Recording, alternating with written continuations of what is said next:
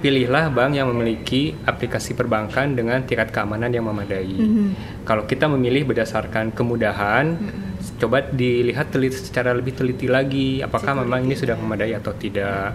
Contohnya misalnya, apakah aplikasi perbankannya bisa diinstal di lebih dari satu Handphone. handphone, misalnya, karena kan Oke. itu adalah More jalur devices, untuk jalur-jalur membuka fraud bagi fraudster seorang yang tidak kita Iya. kenal bisa mengakses rekening kita dari HP-nya dia.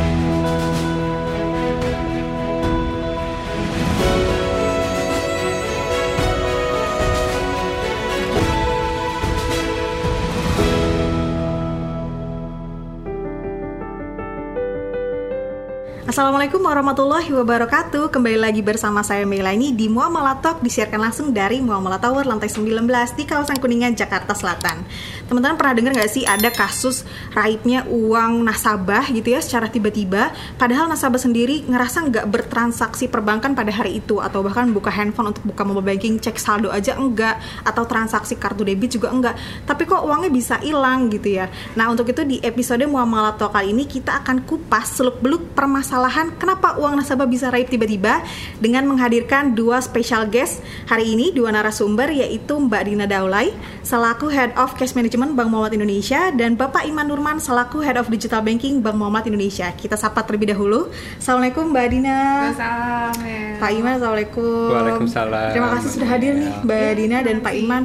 Eh, kita hari ini mau bahas eh, tentang eh, terkait dengan cyber security dan juga kenapa sih kok bisa ada kasus ya di dunia perbankan yang uang nasabah bisa hilang tiba-tiba padahal dia sendiri tidak mentransaksikan uangnya gitu ya. Padahal kan ada pengamanan tuh ya untuk transaksi kita melakukan eh, transaksi di perbankan atau mungkin di digital channel ada pengamanan tapi kok masih tetap bisa hilang gitu ya. Nah, mungkin kita mau tanya terlebih dahulu nih ke Mbak Dina duluan.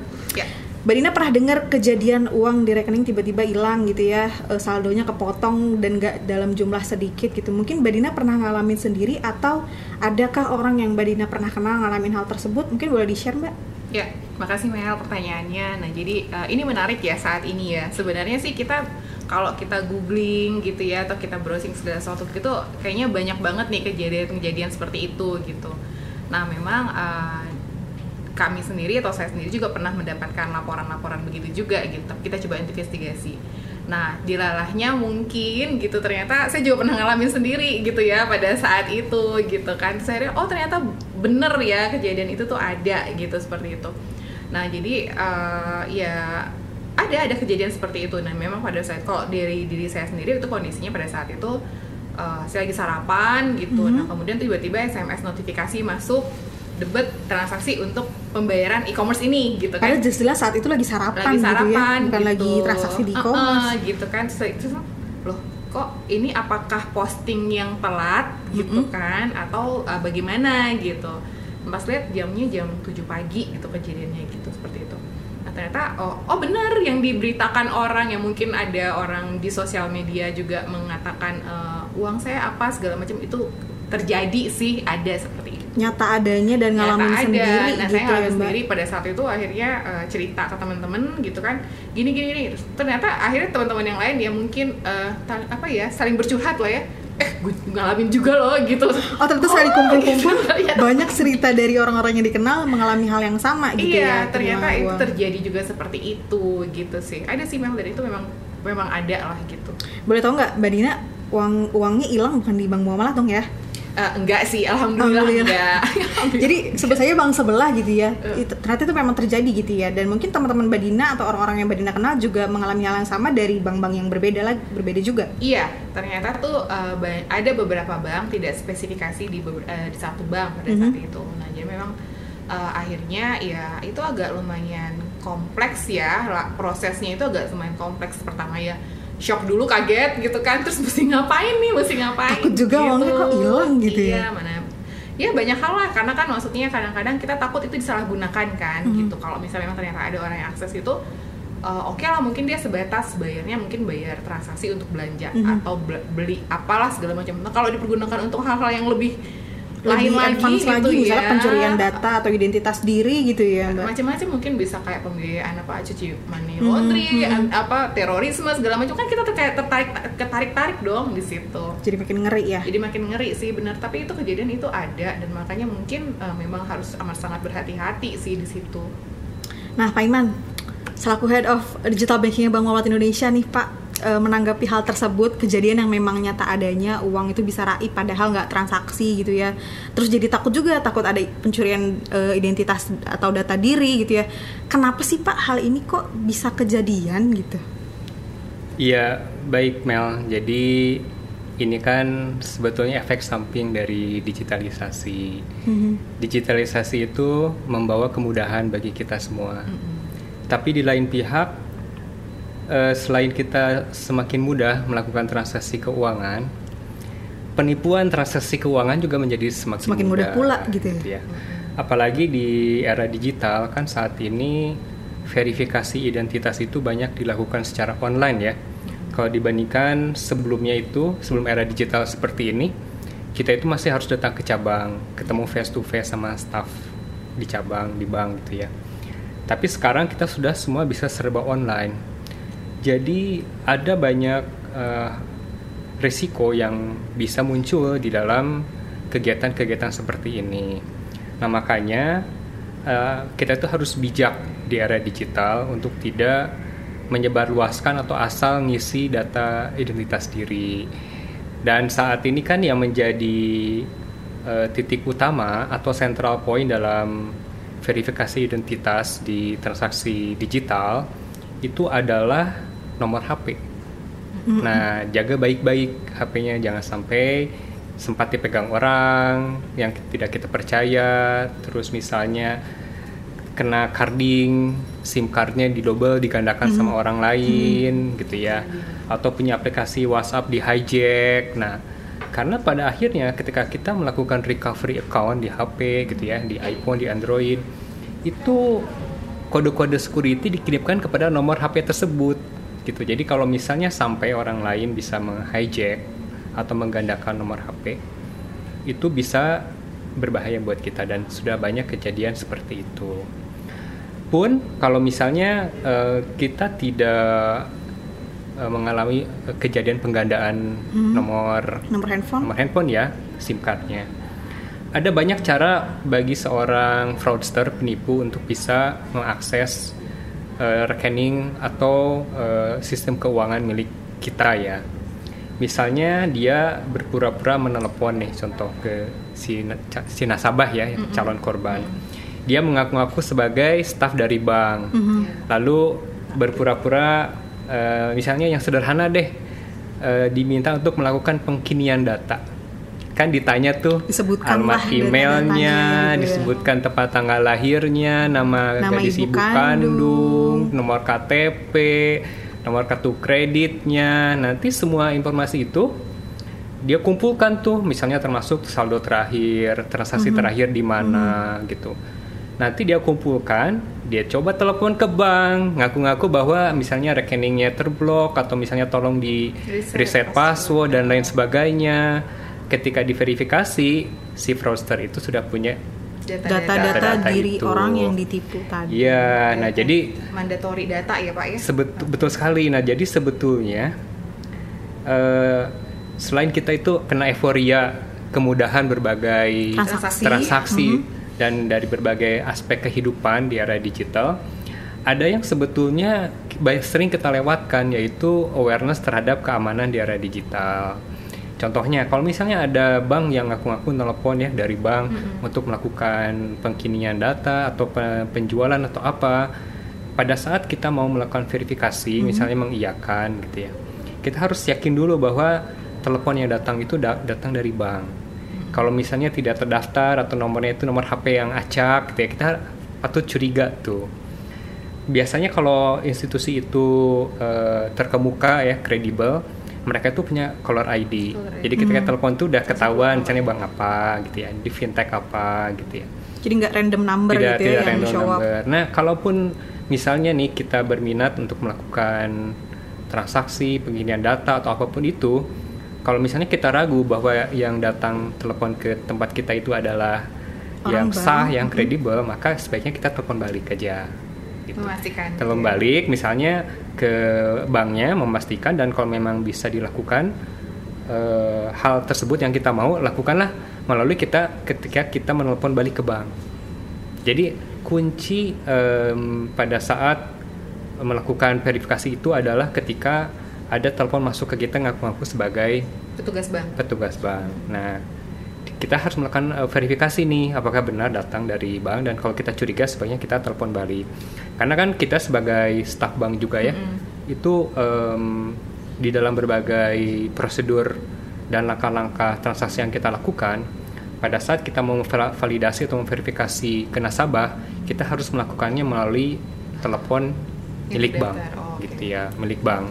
Bukan milik HP staf bank, bukan eh, dari telepon dari tempat umum dan lain sebagainya. Suppose harus official ya Pak ya. Harus official. Dan itu seharusnya harus dicek lagi juga oleh kita selaku customer bank tersebut gitu ya. Jadi jangan Betul sampai justru sekali. malah kita sendiri yang membeberkan data-data pribadi. Iya. gitu. Berarti eh, kasus-kasus itu bisa dibilang kasus fraud ya Pak ya? Fraud Eh, dari one of so many cases. Nah, Iya. Mbak Dina dari eh, kasus yang tadi dijelaskan Pak Iman, mungkin tadi ada salah satunya yang eh, SIM cardnya di hijack gitu ya, jadi double SIM card, jadi verifikasinya masuk ke nomor handphone yang bisa diakses oleh fraudster, dan ada juga di telepon verifikasi oleh agen bank, ternyata agen bank palsu. Kalau yang terjadi yang eh, Mbak Dina alami sendiri, itu kasus apa, yang mana gitu ya, eh, seperti apa, eh, kenapa bisa terjadi, dan uangnya yang sudah hilang tadi itu bisa balik nggak sih Mbak? Ah, diikhlaskan saja Wah, wah. Jadi udah udah ikhlas nih. Uh, ya gimana ya? Sebenarnya sih kalau untuk uh, kalau misalnya memang terkait yang fraud gitu kan itu tergantung dari itikat masing-masing bank lah ya para pihak ya Pak ya kalau kayak gitu ya gitu ya. Mungkin juga bisa dibilang ada keteledoran dari sisinya nasabah, Nasabah, keteledoran saya gitu kan atau juga ada like di sistem security-nya Bank, betul. gitu kan seperti jadi masing-masing pada para pihak lah. Nah, jadi kalau misalnya ditanyain eh, kalau yang based on dari pengalaman yang saya alamin itu eh, apakah saya pernah melakukan eh, aplikasi yang bagaimana atau ditelepon gitu ya. Sehingga saya sih saya nggak pernah ada yang meminta OTP atau apa pun Mhm, gitu mhm. pada saat itu. Nah, jadi makanya kenapa eh, agak surprise pada saat misalnya ternyata terdaftar di aplikasi tertentu gitu yang makanya kalau sekarang tuh saya lihat kayak kalau kita punya digital banking itu yang, yang DIN itu sudah ada email notifikasi ya Pak ya gitu ya nah ini kan harusnya kan eh, itu sih bagus menurut saya karena eh, konfirmasi konfirmasi negatif konfirmasi kayak gitu kan menunjukkan oh ini ada alert gitu ya ada Mhm. perubahan data Perubahan atau data apa diri ya, sebagainya ataupun gitu. transaksi apa pun yang kita lakukan yang kita tidak ke bank gitu. Nah ini kan sama sekali nggak ada. Jadi pada saat uh, kejadian itu pasti lapornya adalah ke bank, kemudian minta investigasi gitu. Oh uh, ibu ada aplikasi ini, aplikasi apa itu gitu. Maksudnya nggak pernah tahu gitu. Nah cuman kan ya tadi benar kayak kata Pak Iman itu kita kan nomor handphone, sosial media itu kan open banget saat ini ya. Sekarang Which is kebocoran data mungkin aja terjadi ya Pak ya. Iya, apalagi maksudnya eh, sekarang dengan kondisi pandemi ini hampir ke semua tempat tuh kalau kita order menu atau apa kan kita pakai Hmm. QR, QR ya, scan dan QR, sebagainya. terus kemudian diminta untuk link ke Google-nya kita lah Betul, atau ke email-email lainnya gitu kan. Terus udah gitu ditambah dengan mungkin eh, secara praktis kan agak merepotkan ya kalau sampai punya handphone banyak untuk memisahkan aplikasi-aplikasi gitu ya, Perbankan mana nah gitu, gitu, atau kayak pakai gitu. sosial media Ah, yang ah. mana betul. Nah, tapi ternyata itu mungkin di situ ada lack of control. Mungkin ya karena sebagai orang umum kan kita juga nggak tahu sampai sebegitunya ya, Pak ya, gitu. Yang pasti proses-prosesnya ya lumayan panjang gitu. Kemudian eh, dana yang hilang belum tentu semuanya bisa kembali gitu ya. Tapi eh, ada bank juga yang mengembalikan gitu. Nah, kemudian mungkin juga dari satu bank itu eh, mereka ngerasa oh ini ada checklistnya ini sudah terpenuhi ini terpenuhi kayak tadi Pak Iman bilang ada OTP atau segala macam OTP gitu kan jadi otomatis eh, mungkin itu sudah masuk ke dalam eh, parameter yang uangnya nggak bisa diganti nih gitu misalnya kayak gitu walaupun misalnya nasabah ngerasa tidak melakukan gitu-gitu sih lebih kayak gitu Berbicara Eh, tadi prosesnya ada investigasi terlebih dahulu gitu ya, baru mungkin Ada, prosesnya bisa uh-uh. eh, apakah dikembalikan uangnya atau tidak gitu. Itu Uh, panjang ya, Mbak ya. panjang sih kayak gitu prosesnya panjang banget nah kemudian eh, kalau dibilang aplikasi apakah ada yang terklik atau apa segala macem saya rasa sih tidak lakukan itu ya tidak semua lakukan itu tapi ya tadi dengan yang tadi kita dengan QR code yang beredar di mana-mana mungkin jadi bisa jadi ada ada loss di situ Hmm. yang di luar kontrol Ada kebocoran di situ yang mungkin eh, customer pun tidak menyadari Nggak gitu ya, ngeh Mbak. gitu ya kalau itu pada saat itu mungkin kita allow semua security di handphone Hmm. kita mungkin ya pada saat itu ya pak ya Iya. Kan kayak gitu kayak gitu sih gitu Pak Iman berbicara tentang keamanan versus kemudahan gitu ya. Kalau mungkin tadi yang di awal dijelaskan Pak Iman kan ada trade off tuh Pak dari semakin mudahnya kita bertransaksi eh, digital dengan keamanan yang semakin eh, mudahnya juga gitu ya di Hmm. bridge gitu ya. Kalau gini gimana ya Pak? Eh, kalau customer tuh jadi berpikir wah justru uang saya nggak aman dong ditaruh di bank justru nggak aman dong kalau saya justru punya digital channel untuk eh, kemudahan transaksi saya nah menurut bapak dari sisi cyber security sendiri gimana?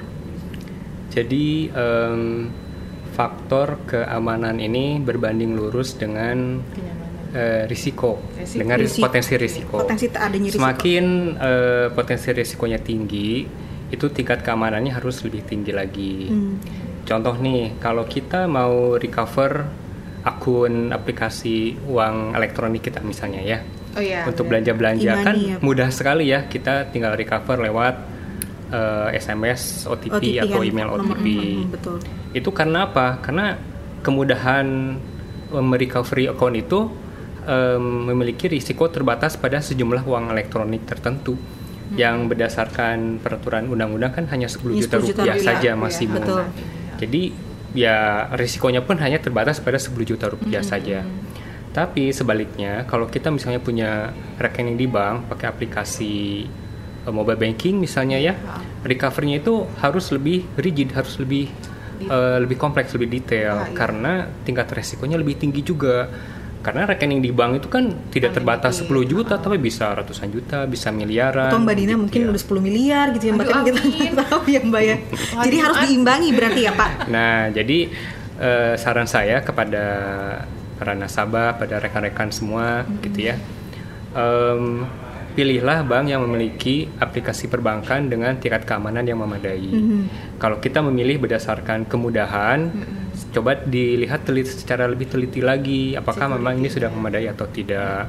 Contohnya misalnya, apakah aplikasi perbankannya bisa diinstal di lebih dari satu Handphone. handphone misalnya karena kan Oke. itu adalah More jalur devices, untuk jalur-jalur membuka fraud bagi fraudster seorang yang tidak kita Iya. kenal bisa mengakses rekening kita dari HP-nya Dari dia device lain Iya. gitu ya contoh begitu ya kemudian bagaimana cara recovery misalnya contoh kalau misalnya untuk membuka eh, membuka blokir gitu ya atau merecover akun perbankan melalui aplikasi mobile banking semudah kita merecover akun uang elektronik. Nah kita harus curiga tuh pada bank yang seperti itu. Berarti gampang mungkin banget gitu ya. pemeriksaannya dulu tidak eh, men- tidak menyeluruh gitu ya dari end to end. Jadi eh, kita harus eh, lebih teliti juga bukannya tidak aman, tapi kita lebih teliti lagi pada saat eh, mengakses rekening bank dan menggunakan aplikasi perbankan. Pak Iman kalau begitu terkait dengan kasus ini mungkin saja sudah pernah terjadi atau mungkin in the future ada potensi terjadi juga di Bank Muamalat nih ya Pak. Nah agar hal ini tidak terjadi kepada nasabah Bank Muamalat sejauh mana sih Pak uji keamanan digital bankingnya atau digital channelnya Bank Muamalat? Em, pertama sebelum sampai kepada uji keamanan gitu ya istilahnya lah eh, aplikasi atau sistem perbankan Iya. Bank Muamalat barangkali kita perlu edukasi juga kepada nasabah tentang nomor HP ya mungkin nomor HP ini sepele karena kalau hilang gitu ya HP hilang atau dicuri orang nomornya kita tinggal beli Iya, baru beli gitu baru, ya nomor ganti padahal gitu ya. Ini ya. nomor HP ini akan sangat penting karena dia terhubung kepada data- data-data di bank ketika diverifikasi tentu verifikasinya dikirimkan kepada nomor HP yang Iya, terdaftar iya, tersebut betul. jadi pertama kalau misalnya mau ganti nomor HP atau HP-nya hilang itu yang harus eh, dilakukan oleh orang itu adalah menghubungi bank untuk mencoba eh, untuk eh, mengganti eh, pengkinian data lah. Oke. ganti nomor HP-nya bahwa kita menggunakan nomor HP yang baru. Itu pertama. Nah kemudian dari sisi aplikasi perbankan bank muamalat itu sendiri eh, ini kita membangunnya berdasarkan pengalaman dari bank muamalat sendiri secara internal juga dari pengalaman tempat-tempat lain jadi best practice dari tempat lain kita bawa dan kita wujudkan di aplikasi perbankan. Dan insya Allah dan alhamdulillah sampai sejauh ini belum ada kejadian lagi gitu ya di bank muamalat Nah, Nah, ya, jangan sampai jadi. Sampai Iya. gitu. Memang sudah dipertimbangkan dengan matang gitu ya Iya. Pak Iya. uji keamanan digital Hmm. channelnya Bank Muamalat Ah. ini tadi sudah mengadopsi juga best practice dari bank-bank lain Iya. dan juga Iya. sudah dilakukan tes secara menyeluruh gitu. Betul, Mbak. Ya, jadi pada saat mungkin saya tambahin sedikit ya Hmm. pada saat kejadian itu yang dilakukan kan adalah langsung split handphone tuh yang mobile banking yang mana, yang Mana yang aplikasi social normal media bisa, gitu bisa ya. segala macam gitu oh ini mesti dilakukan seperti ini dulu nih gitu kan terus akhirnya kan pada saat kita melakukan pengkinian data dan split eh, perangkat segala macam itu kan berarti otomatis harus melakukan KYC ke masing-masing bank dan Mhm. rata-rata kan bank minta install ulang ya pak ya? Install ulang nih sesuai datanya apa enggak segala Mhm. macam gitu. Akhirnya di situ langsung oh ternyata yang merepotkan ini yang aman ya gitu.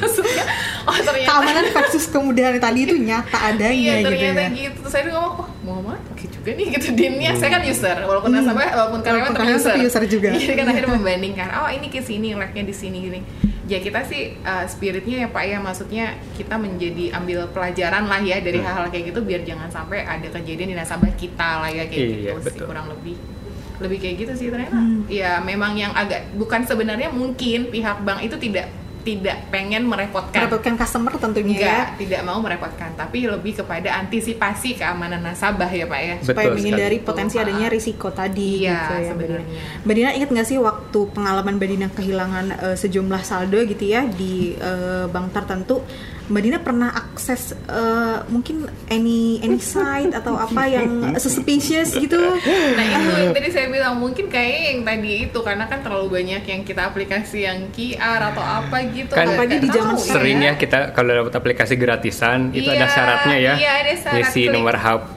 Iya, ngisi bener. alamat, alamat email. email belanja online kan juga nah, masukkan email anda untuk dapat diskon segini Sekian. nah Oh, perempuan ya maksudnya kalau udah belanja diskon dapat bener nggak sih bener bener. Eh, which is itu eh, ada banyak sekali mungkin ya di Banyak luar sana yang sekali, kita ya. eh, saat itu mungkin belum eh, gain conscious gitu ya kalau kita Iya. sebetulnya memberikan data pribadi Data kita, kita, sendiri ha-ha, gitu iya. yang berisiko ternyata sampai kehilangan saldo tadi iya gitu dapat vouchernya seratus ribu lima puluh ribu hilangnya banyak Hilangnya- banget dan diikhlasin aja gitu ya karena ternyata proses investigasinya panjang juga Eh, gitu. Iya lumayan menghabiskan Menghabiskan waktu, ya, waktu ya, kayaknya Mbak. banyak kerjaan lain yang Hmm. lebih penting gitu kan, karena kan ya pasti kan ke masing-masing bank ya kita melakukan prosesnya itu pasti ada kayak eh, laporan nasabah, kemudian kan ada juga yang kayak apa sih yang ke OJK segala macam kan ada waktu waktunya ya pengaduan nasabahnya kan gitu itu kan ya. pasti ada yang 14 hari SLA Hmm. kemudian 30 hari kemudian segala aduh habis Aduh, waktu ya panjang. kerjaannya kayaknya banyak yang lain yang lebih penting mungkin gitu. Tentunya dari pengalaman ini Mbak Dina juga mungkin eh, belajar gitu ya untuk lebih berhati-hati untuk menjaga data pribadi dan lain sebagainya. dan iya karena kita memang di layanan di jasa bank ya kita Mhm. maksudnya kalau saya kalau dari saya tuh langsung coba cek security-nya kita gitu waktu pas kejadian itu kan langsung security-nya kita sendiri gimana nih gitu Mhm. kita ngeliat parameternya seperti apa gitu kan jadi ya hal-hal kayak gitu ya maksudnya jangan sampai kejadian di orang lah gitu Mhm. Kayak Mungkin gitu juga sih. Bisa dipelajari sama teman-teman nih kalau misalnya akses-akses eh, aplikasi-aplikasi baru atau gratisan, input data-data pribadi itu harus lebih aware lagi jangan sampai eh, secara tidak sadar justru malah membeberkan data pribadi sendiri. Atau Iya. mungkin nih Bu Dina sampai Man sekarang juga di Instagram Iya, lagi gitu. tren nih Lagi tren, Pak heeh. membeberkan data pribadi melalui Iya. Instagram Story dengan cara-cara ikut tren eh, share story yang serupa. Jadi Iya, di Instagram benar. ada sebuah feature di mana kita bisa share kayak ada pertanyaan ini Pak di, di feature tersebut kayak share tanda tangan kamu gitu ya. Iya. Nanti sama dia di foto tanda tangannya. Nah, mungkin teman-teman harus lebih aware lagi nih gitu Iya. ya. Harus harus eh, berpikir sebelum bertindak. Apalagi di masa sekarang ini kemudahan transaksi lebih eh, Iya. lebih leluasa lagi. Teman-teman juga bisa lebih leluasa lagi share-share data pribadi termasuk di sosial media yang saat ini mungkin belum sadar ya Mbak ya. Mungkin Mbak Dina juga saat itu nggak sadar share data pribadi. Tapi ternyata setelah eh, ngalamin oh dari gimana? mana nih gitu baru deh Oh, jadi oh. pelajaran. Jadi harus lebih hati-hati. Nah, eh, Pak Iman, eh, last but not least nih, saya mungkin minta saran dong, Pak. eh, langkah-langkah apa saja sih yang harus dilakukan eh, customer ataupun nasabah gitu ya, agar dananya yang disimpan di bank itu aman. Lalu langkah pertama apa yang mungkin bisa diambil seorang customer apabila mengalami hal yang dialami Badina itu misalnya? Baik. Jangan per- sampai gitu. Pertama barangkali si nasabahnya itu mengikuti apa yang disarankan oleh bank. Iya. Pertama misalnya untuk tidak meng-share OTP yang dikirimkan Iya, gitu ya. heeh. Kemudian tidak membagi atau memberikan Password, ya. password atau PIN ataupun uh, informasi rahasia lain yang bisa dipakai untuk uh, orang lain melakukan transaksi perbankan itu pertama ikuti aja gitu ya apa yang disarankan oleh bank karena hmm. nanti kalaupun misalnya ketahuan ada kehilangan uang ternyata nasabah yang bersangkutan pernah ketahuan sharing kartu debit dan pinnya mm-hmm. itu nanti uh, secara legal uh, posisi nasabah akan lemah gitu di mata mm-hmm. hukum mm-hmm. gitu ya jadi sebaiknya ikuti aja apa yang disarankan oleh bank karena itu uh, sudah dipikirkan baik-baik sudah antisipasi ke depan nah ke depannya tentu jangan sampai nasabahnya itu semudah tergoda gitu ya mm-hmm. jadi misalnya ditelepon atau dikirim WA message atau SMS anda mendapatkan hadiah apa gitu ya yeah. atau pencairan dana mm, uh, hubungi Pak. Uh, nomor banget. ini kemudian coba diklik linknya di situ iya. malah ada oh, daftar gitu ya daftar segala macam nanti informasi malah dipakai untuk yang lain-lain jadi um, begitu saran saya begitu nasabah mendapatkan penawaran-penawaran seperti itu ambil napas dulu gitu ya mm-hmm. berhenti kemudian pikirin ini uh, make sense apa enggak sih gitu ya. Kenapa kok tiba-tiba saya bisa dapat hadiah 10 juta tapi harus uh, transfer dana satu juta dulu. Nah, itu kan aneh gitu ya. Nah, yang jadi seperti itu. Jadi gitu. um, jangan terlalu bernafsu apabila mendapatkan penawaran-penawaran yang fantastis gitu ya. Jadi harus uh, ber, uh, berhenti dulu lah gitu ya. Sama seperti kita mengolah informasi hoax gitu ya, informasi bohong, hmm. jangan langsung percaya. Jadi uh, ambil napas, pikirkan kembali uh, gitu. Nah biasanya itu nanti itu bisa mereda nafsu kita. gitu. Dapat hadiah apa, dapat hadiah apa, diskon gitu ya. Nah begitu. Iya Jadi iya jangan mudah tergoda terhadap penawaran-penawaran. Hmm. Apalagi kalau sampai nanti harus ditindaklanjuti dengan misalnya mentransfer dana -hmm. ataukah misalnya minimal mengisi data gitu ya. Begitu sih. Iya. Jadi sebetulnya nggak nggak ada salahnya pak jadi orang yang curigaan ya. Kalau ada hal yang aneh harusnya kita patut curiga gitu ya. Nah, Jangan sampai di dalam uh, dunia cyber security uh -huh. itu ada istilah only paranoid survive. Only paranoid nah, survive. Hanya yang paranoid yang tidak bisa dihack. cyber cyber security loh. Only paranoid will survive di uh, era kemudahan transaksi digital iya, saat apalagi ini. gitu. Hmm. Ya. Nah kalau gitu Pak, misal nih yang terjadi di Mbak Dina tuh kejadian misalnya di other customers atau oh, mungkin yeah. di pendengar teman-teman. Nah first step yang harus kita ambil kalau kita yakin banget itu transaksi bukan atas order saya di di uh, misalnya e-commerce tersebut hmm. gitu ya kita harus hubungi siapa dulu langkah apa yang harus kita tempuh sih pak jadi pertama uh, ikuti dari prosedur bank masing-masing hmm. yaitu uh, mayoritas ya biasanya menghubungi call center, call center. atau me kalau memang misalnya cabangnya dekat dengan lokasi hmm. yang bersangkutan datang tinggal datang aja ya? ke cabang jadi uh, laporkan hal seperti itu dan untuk keamanan kita sendiri ada baiknya memblokir rekening supaya tidak bisa dipakai lagi oleh uh, fraudster Baik. gitu ya. Hmm. Kemudian Takutnya masih punya akses ya Pak, jadi lebih baik diblokir. Di diblokir depan. dulu gitu ya. Kemudian baru dia memfollow up hal-hal yang lain misalnya seperti mengganti nomor HP, mm-hmm. pengkinian data, mm-hmm. kemudian lapor ke OJK dan lain sebagainya. Jadi yang pertama harus dilakukan adalah stop dulu akses kepada rekening tersebut. Kita tidak bisa akses, fraudster juga tidak bisa akses. Mm-hmm. Gitu such a win-win solution di hmm. apa uh, first step awal tadi hmm. itu ya jangan lupa pastikan juga saat menghubungi cabang di call center tuh call centernya yang official jangan-jangan nanti dia malah hubungin fraudsternya gitu ya yeah. di sosial media coba bapak lihat deh banyak kayak yeah. betul yang betul call center itu yang betul. banyak banget jadi ini yang mana sih yang punya bank beneran, bank beneran nah, ya, itu mungkin harus di cross check lagi ya pak kadang uh kalau kita komen nih pak di uh, sosial media sebuah bank tertentu gitu ya karena uh kita mengalami kendala transaksi hmm. nanti tuh langsung banyak pengen reply komennya kayak hubungi saya untuk terima hubungi ternyata setelah kita buka itu uh, bukan itu bukan yang official customer service-nya bank tersebut atau call center-nya bank oh. tersebut hmm, gitu. banyak begitu sekarang. Berarti yeah. kita harus paranoid juga tuh kalau ada yang balas komen kita cepet di sosial media terkait pengaduan nasabah gitu ya.